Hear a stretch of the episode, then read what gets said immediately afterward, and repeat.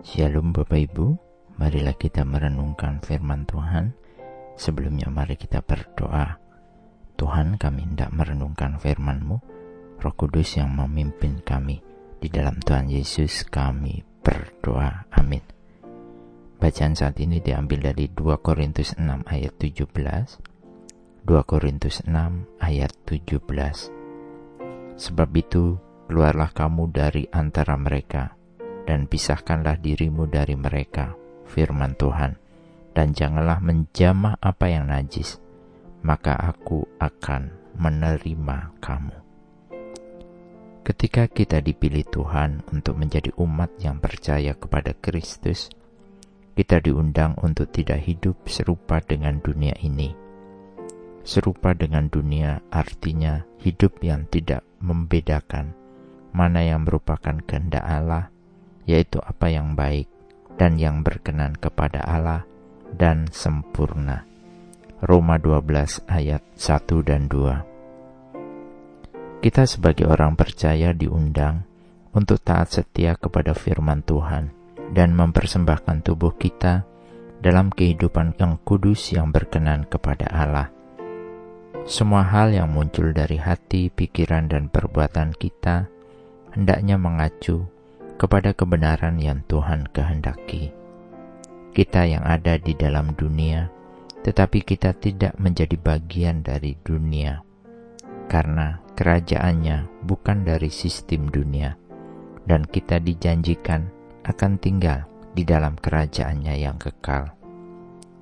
Bacaan saat ini berbicara tentang hal yang pernah disampaikan oleh Yesaya, yang kemudian dikutip ulang oleh Paulus kepada orang-orang di Korintus. Kisah tentang orang Israel yang kembali dari pembuangan di Mesir, yang mereka pikir mereka akan aman di sana. Tetapi untuk hal ini, Tuhan berjanji akan memanggil kembali mereka ke tanah perjanjian, keturunan mereka yang pergi ke Mesir. Dan mereka diperintahkan untuk meninggalkan segala kebiasaan penyembahan berhala yang mungkin mereka lakukan selama di Mesir. Paulus perlu mengutip ini untuk mengingatkan kembali, sama seperti orang Israel yang telah menanggalkan penyembahan berhala yang mereka telah lakukan ketika tinggal di Mesir. Untuk orang-orang percaya di Korintus, harus mengesampingkan dan meninggalkan penyembahan berhala dan kehidupan seksualitas dalam pasangan yang tidak seiman mereka harus terpisah dari dosa dan perbuatan dunia. Kita memang dipilih dari dunia untuk menjadi anak-anaknya. Kita diundang sebagai garam dan terang bagi orang-orang di dunia. Tetapi marilah kita dengan tekun terus berusaha untuk memutuskan hati dan kehendak kita dari segala hal yang bertentangan dengan pikiran Tuhan marilah kita keluar dari antara mereka dan menjadi umat yang terpisah dalam hati, pikiran, dan perbuatan yang dapat memisahkan kita dengan kasih Allah.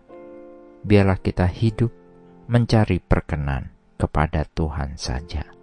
Amin. Mari kita berdoa. Bapak Surgawi sungguh kami bersyukur untuk hidup yang Tuhan sudah beri bagi kami. Tolong kami untuk bisa menjalani kehidupan yang tidak terpikat oleh dunia. Namun biarlah kami hidup berkarya dalam perkenan Tuhan saja. Terpujilah Engkau Tuhan, di dalam Tuhan Yesus kami berdoa. Amin. Tuhan Yesus memberkati. Shalom.